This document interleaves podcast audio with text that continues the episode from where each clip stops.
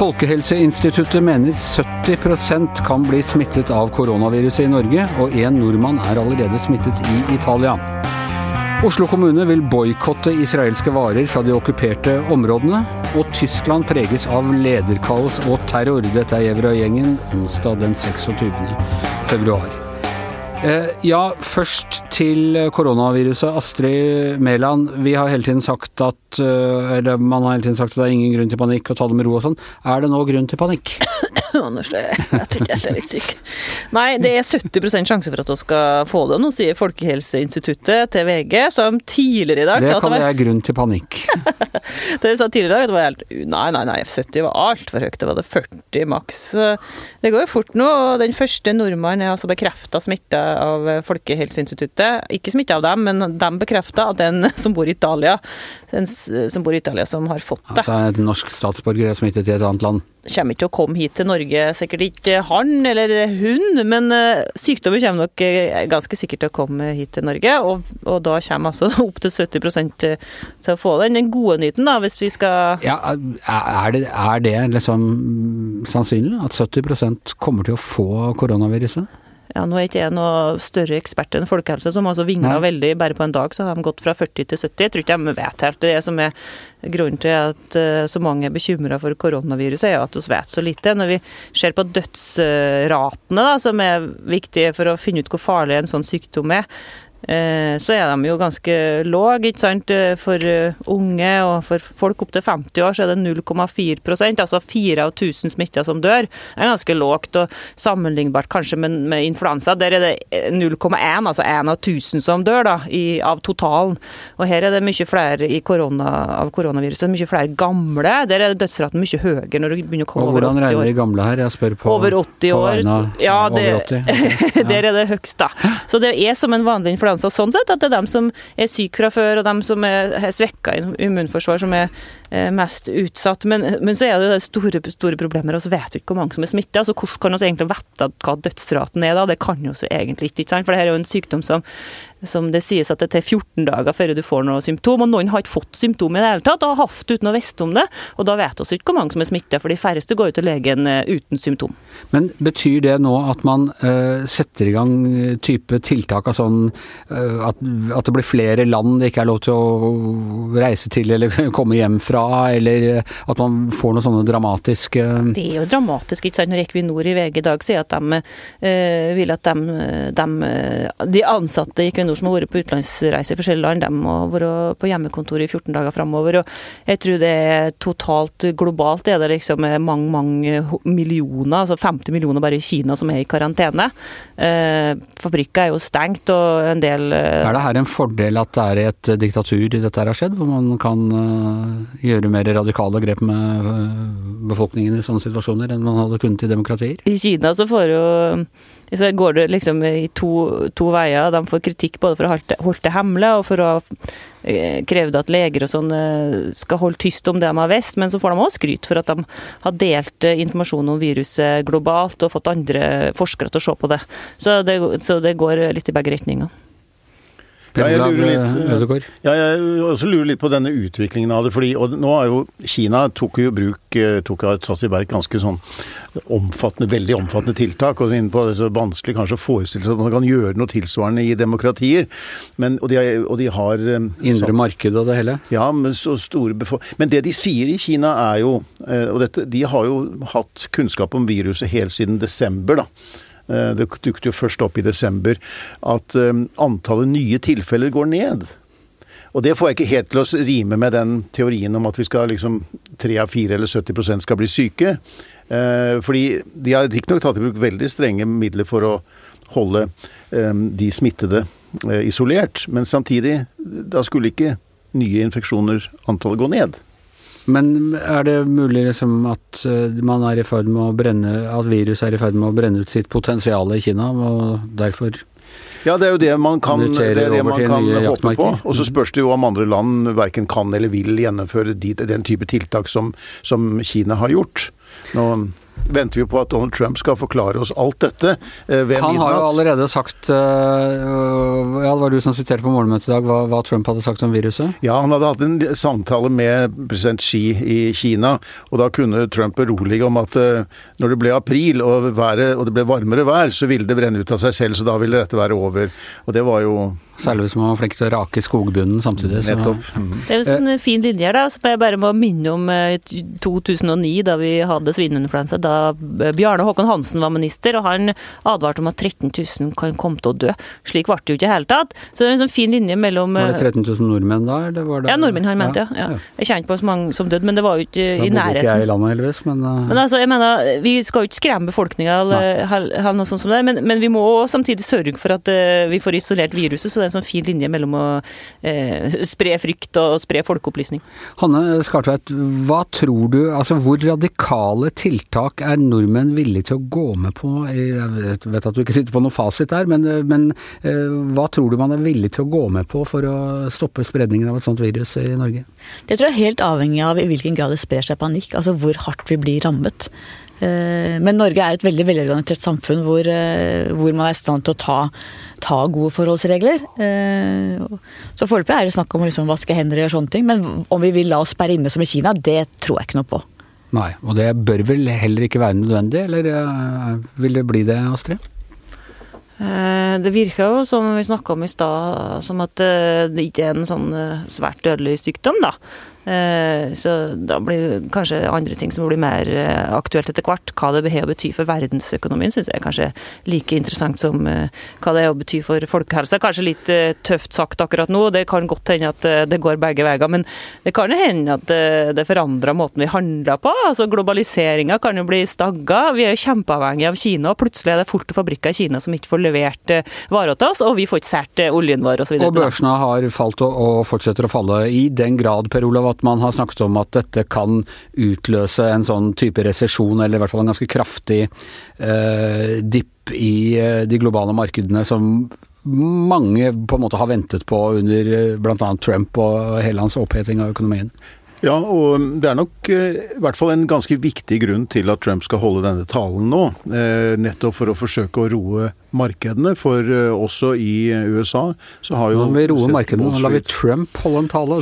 Ja, han, så det, så, så, så det jeg, jeg tror i hvert fall det er noe av hensikten, da. Fordi det er, det er en bekymring. Det er det er selvfølgelig hans sterkeste argument i gjenvalget er den sterke økonomien, og, hvis, og han er veldig opptatt av å vise til hvordan børsen går til værs. Og når den nå ikke lenger gjør det, så er nok det også en politisk bekymring.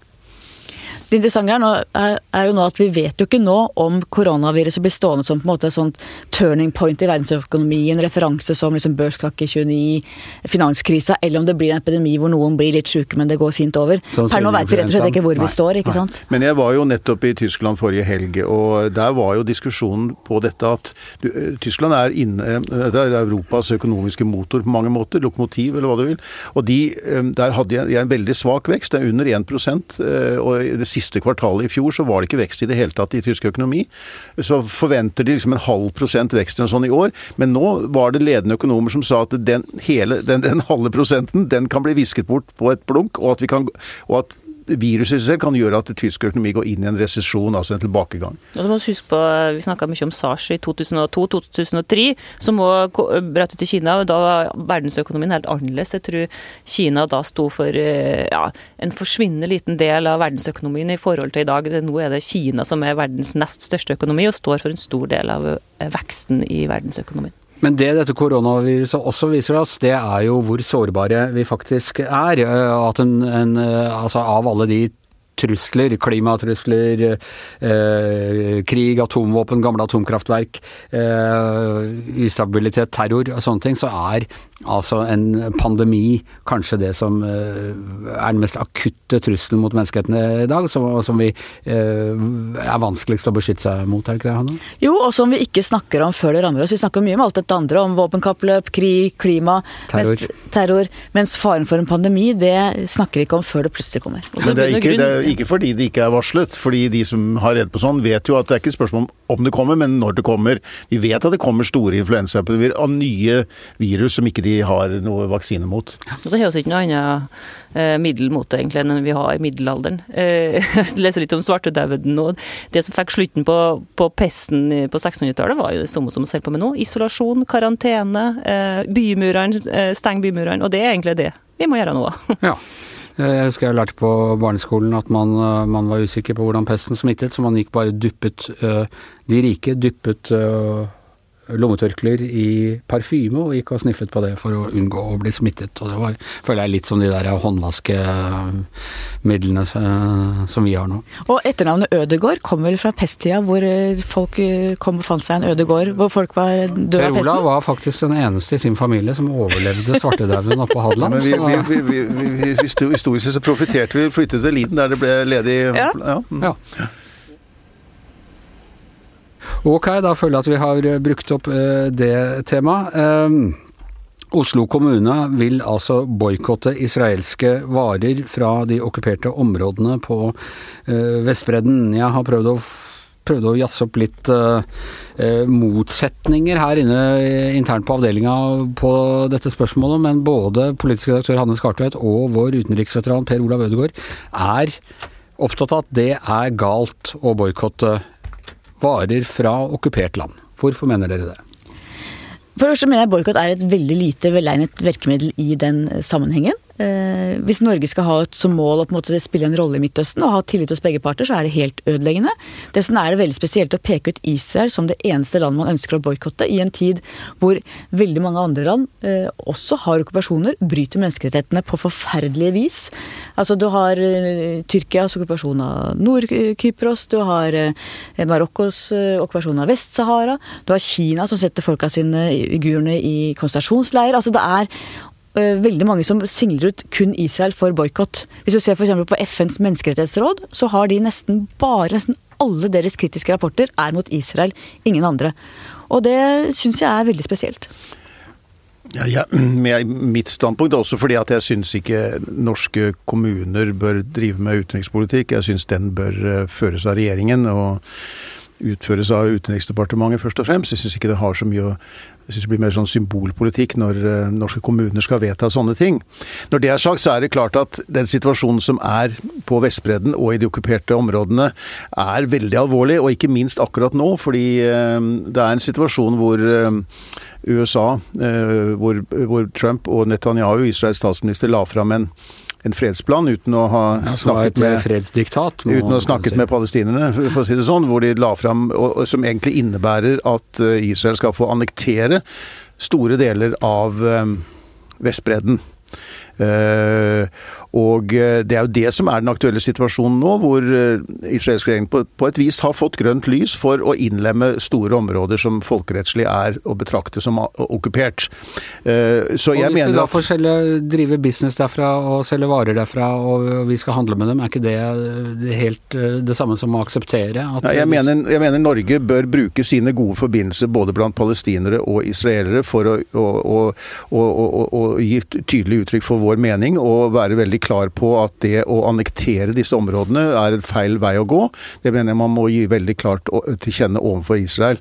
Det syns jeg, og jeg tror det er mye mer Gjør det noe inntrykk? Altså, vi har, vi har, Norge har prøvd å løse denne konflikten på, på avstand i, nå i mange, mange år. Oslo-prosessen er på en måte eksempler på hvor, hvor galt det kan gå. Eh, er, Norge er ikke det eneste landet som står for den holdningen. Eh, Europa, EU eh, e er også ganske, står også den samme, samme synet i den saken der. og Det er uansett mye mer, det har mye større effekt det enn om en, enn om en eller flere norske kommuner vedtar sånne symbolske vedtak. Så jeg er enig med Per Olav, og det er mye å kritisere Israel for, også okkupasjonen. Eh, og vi gjør det stadig vekk på lederplass i VG. Men, men, det vi ser er at mange holder Israel opp til en helt annen standard enn noe annet eh, land. Og det uh, syns jeg er Men det, det, gjør jeg. Altså jeg har en helt annen Forventer helt andre ting av Israel enn jeg gjør av religiøse diktaturer og fascistdiktaturer og i det hele tatt. For Israel er en demokratisk stat med, og med sterke tradisjoner og, og bånd til Norge, så selvfølgelig forventer jeg noe annet av dem enn jeg gjør av uh, Iran, f.eks. Jo, men når du ser på hvordan, eh, hvordan de allikevel blir single out, type FNs menneskerettighetsråd, eh, andre sammenheng hvor det er folk som har en annen agenda enn nødvendigvis på en måte akkurat de menneskerettighetsbruddene, så mener jeg at det er at veldig mange holder Israel allikevel til en annen standard. Og det er tross alt det eneste demokratiet i den delen av verden og har mye intern opposisjon, mye interne diskusjoner. Det er et land som er mye mer sammensatt enn det vi ser herfra. Her ser vi på en måte bare okkupasjonsbiten, uten å si at det er stor intern diskusjon der. Hvilke krefter er det man støtter når man eh, går inn for boikott? Det er i hvert fall ikke de som ønsker et annet Israel i Israel. Men har vi ikke hørt det veldig lenge nå, at hvis vi, øh, hvis vi øh, Da mister vi dialogmuligheten og så videre og så videre, så har bare den okkupasjonen blitt verre. Og israelerne, nei, palestinerne dyttes sammen på stadig mindre områder, og denne parodien av en fredsplan som de ikke var med på, er ikke engang klar på hvor det er de skal få lov til å bosette seg, mens Israel altså skal få produsere varer på deres okkuperte land. Må innse at, vi, at vår innflytelse er begrenset, da. Jeg tror ikke den er noe jeg tror ikke vi oppnår noe ved denne type aksjoner som de nå foreslår bl.a. i Oslo.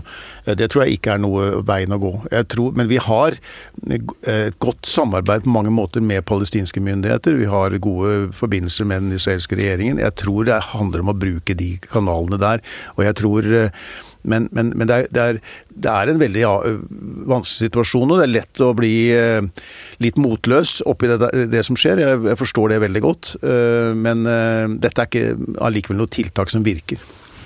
Og så må vi huske at det er en utrolig kompleks eh, konflikt, hvor begge parter synes ute av stand til å klare å få til noen løsninger. Begge parter har dårlige ledere som ikke klarer å ta ansvar for sine egne folk og ta ansvar for prosessen. Og det hvis, hvis vi står og heier på den ene parten utelukkende, så tror jeg ikke det bidrar noe til, til noen forsoning. Tvert om. Men å si at vi heier på den ene parten utelukkende er vel ikke helt riktig heller? Nei, men Du har en veldig splittelse i den norske Midtøsten-debatten, hvor man er enten for Israel, Israel eller Palestina. Mens jeg mener at det må være mulig å, å holde, holde, med begge, og si at begge har eh, legitime krav, og begge har grunn til å frykte den andre. Og at man er nødt til å se at dette er utrolig komplekst. det er i hvert fall mange på den israelske venstresiden som er mot den politikken som Netanyahu fører, men som held, men også advarer mot boikottlinjen som eh, har bredd om seg i en del vestlige land. Man kan si hele den polariserte samfunnsdebatten vi har i dag, den startet på en måte der. I, eh, og nå har de bare spredd seg, så nå gjelder det omtrent hvert eneste politiske område. Et annet land som sliter med litt eh, hva skal du si, indre motsetninger, Per Olav, det er Tyskland. Det har vært to større eh, Må kunne kalle begge terroraksjoner, selv om motivet for det ene er litt dunkelt, eh, siste uka.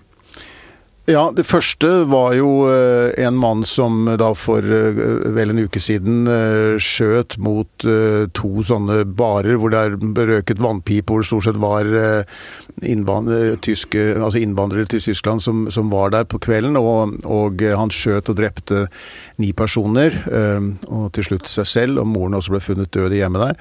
Etterlot seg et manifest? Ja, som inneholdt mange konspirasjonsteorier, og, men også klar fremme fremmedfiendtlige tanke, tanker og ja, Og en del ekstrem. ordentlig sånn ko-ko, nesten psykiatri. Absolutt, ja. Så det, det, det, det men, men, uansett så var han jo da åpenbart drevet av, eh, av et hat da mot eh, de som var Det var i hvert fall en del av motivasjonen? Det var en del av motivasjonen, og det ble jo også Det sa både påtalemyndighet og politikere om den aksjonen.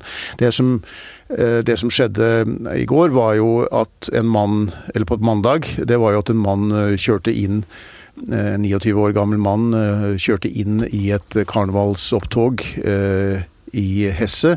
Um, og, og, og, det var sekstitalls mennesker som ble såret der. Um, mange av de var barn.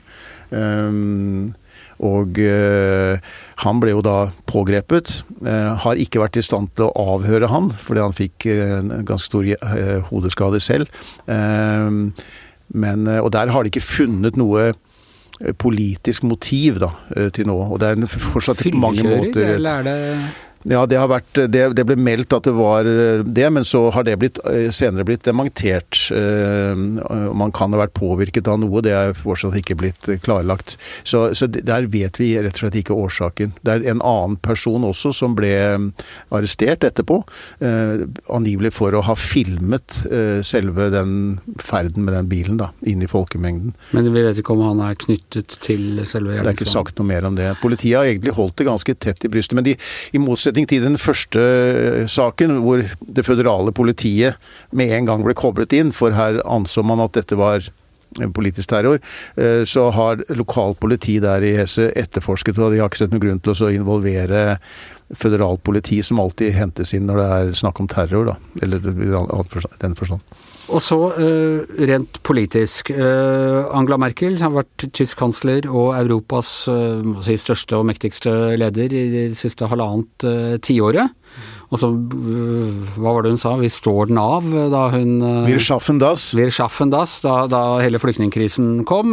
Åpnet grensene for Tyskland, tok imot mange, mange flere flyktninger enn noe annet land. og Mange mente at det var hva som var forsvarlig. Og til tross for dette så er hun fortsatt en meget populær og sterk leder i Tyskland. Men nå skal hun gå av om halvannet år. Ja, og det gjorde hun jo kjent uh, i, allerede i 2018. Uh, eh, og da De tenker i lange linjer? I, ja, og det var nok et forsøk på å liksom Det er klart at når du har sittet og, styrt både landet og Europa på mange måter siden 2005, så må du begynne å så, så, så, er, det litt sånn vanskelig med ettervekst og hvem skal komme etter. og det, det, er på en måte ingen som helt har utpekt seg som noen naturlig etterfølger. Som Putin aldri gå av. Nettopp. Men i alle fall så gjorde nok hun et forsøk på det å finne en sånn kandidat. Sa jeg fra tidlig og sa at da kan vi velge en ny partileder nå, eh, som da kommer til å være vår kanslerkandidat. Det må være et valg der innen eh, høsten neste år. Eh, som da kan liksom bygges opp og være vår nye kandidat. Og så trodde man da at Og så valgte de Anne Grete Kramp Karrenbauer. Mer tysk blir det ikke? Nei, og hun har jo da mm, styrt ledet partiet da, siden 2018. Hun vant en avstemning, og hun er på en måte på mange vis på Merkes liksom, sentrumslinje. Hun er sånn sentrumsliberal kristeligdemokrat. Um, men har blitt mer, mer, frustrert, og det har nok vært det er et problem fordi at en kansler er normalt også en partileder. Og her er det på en måte en, et slags splittet lederskap, og uh, Kramp Karenbauer har ikke hatt den nødvendige autoritet i partiet. For det som også skjedde etter 2015, har jo vært at det har blitt en indre strid i Det kristeligdemokratiske parti, det store regjeringspartiet. Fordi noen mener at eh, Merkel gjorde feil ved å slippe inn så mange eh, asylsøkere og flyktninger. Eh, eh, og har, de har gjort det dårlig i lokalvalg siden. Mange lokalvalg siden. Og du har sett fremveksten av Alternativ for Tyskland, som er et høyreradikalt parti, eh, som egentlig ble startet som et sånn EU-kritisk parti, men har liksom funnet en slags vinnersak, da, med å være innvandringsmotstandere, og vokst kraftig, spesielt i de østlige delstatene. Og mange i CDU er bekymret for liksom dette å få et sånt høyre, et ytre høyreparti eh, som er stort, eh, sitter i alle ja, delstatsforsamlinger. Kan det komme at eh, noen tyskere er skeptiske til å få sånn ytre høyreparti ved makten? Nei, det er det, Du er litt åpne for Jeg tror du antyder nok. Jeg tror vi forstår hvor du vil, Anders. Men, men i alle fall så er det klart at for Merkel, for Kramp Karenbauer, så har det vært et tabu å tenke samarbeid med, dette, med Alternativ på Tyskland. Det er helt utelukket.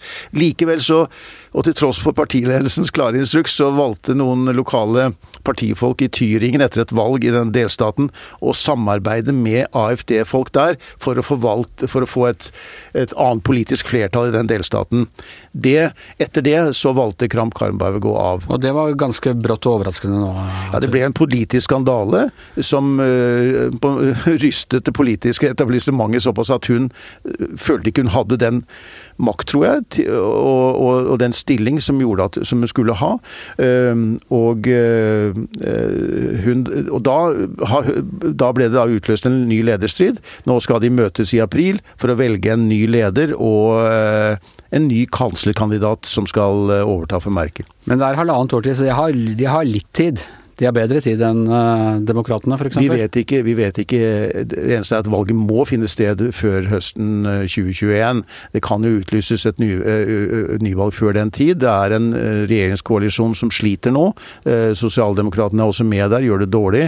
Um, i, også i valg og i meningsmålinger. Um, og det er et vanskelig partnerskap mellom disse mellom sosialdemokratene og kristeligdemokratene. Eneste lyspunktet for for sosialdemokratene var at de gjorde det godt i Hamburg de, i helgen, hvor de fikk 40% av stemmene. Ehm, men det oppsiktsvekkende i Hamburg var også at ehm, De Grønne gikk fram til nesten 25% De styrer byen sammen med sosialdemokratene. Ehm, og det er en annen ting som er viktig i tysk politikk akkurat nå. De Grønnes kraftige vekst, over 20% opp til 25% i meningsmålinger. Eh, landets nest største parti. Så det er eh, store endringer på gang i Tyskland, og det påvirker hele Europa. Ja. Eh, og med det så er vi ferdig for i dag. I studio Astrid Mæland, Per Olav Ødegaard, eh, Hanne Skartvedt og Anders Giæver og vår kanslerprodusent bak spakene, Magne Antonsen. Vi høres igjen.